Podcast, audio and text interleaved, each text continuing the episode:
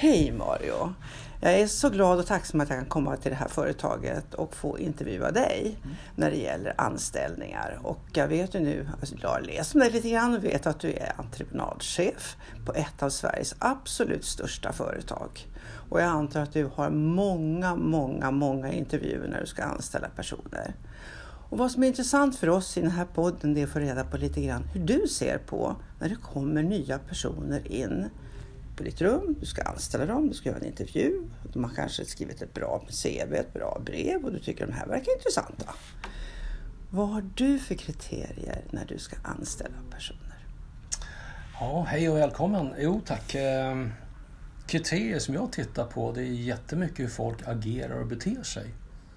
Mm. Jag går mycket på magkänsla. Mm. Ehm, kompetens på papper är naturligtvis viktigt men är inte avgörande. Mm.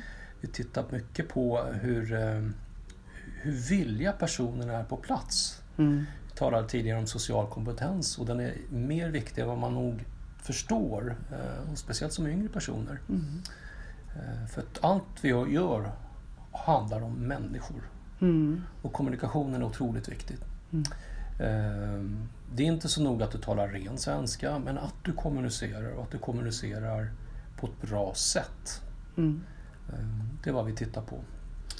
Vi tar också in väldigt mycket nya människor som inte är från branschen, vilket är helt okej. Okay. Mm. Ehm, det viktigaste är att det finns en vilja i personen, helt enkelt. Att, att, att vilja lära sig, att vilja kommunicera, träffa nya människor.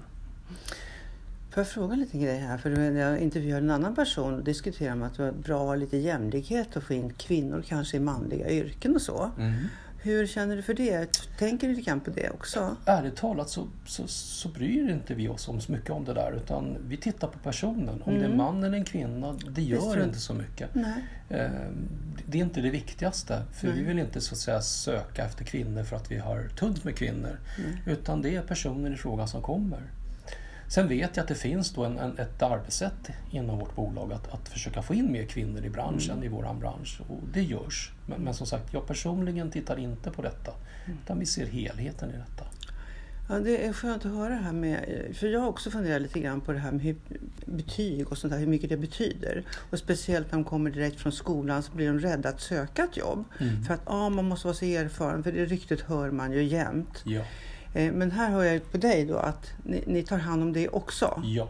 Så ni har utbildning här också internt? Vi har interna utbildningar, ja. Mm. Absolut. Och, och, och, vi ser ju så här, personer som kommer till ett företag har alltid en upplärningskurva. Mm. Oavsett om man är erfaren eller inte. Nej, Bara man är inställd på det, så att säga, både som arbetsgivare och arbetstagare. Mm. Och framförallt arbetstagaren ska vara villig att vilja lära sig. Mm.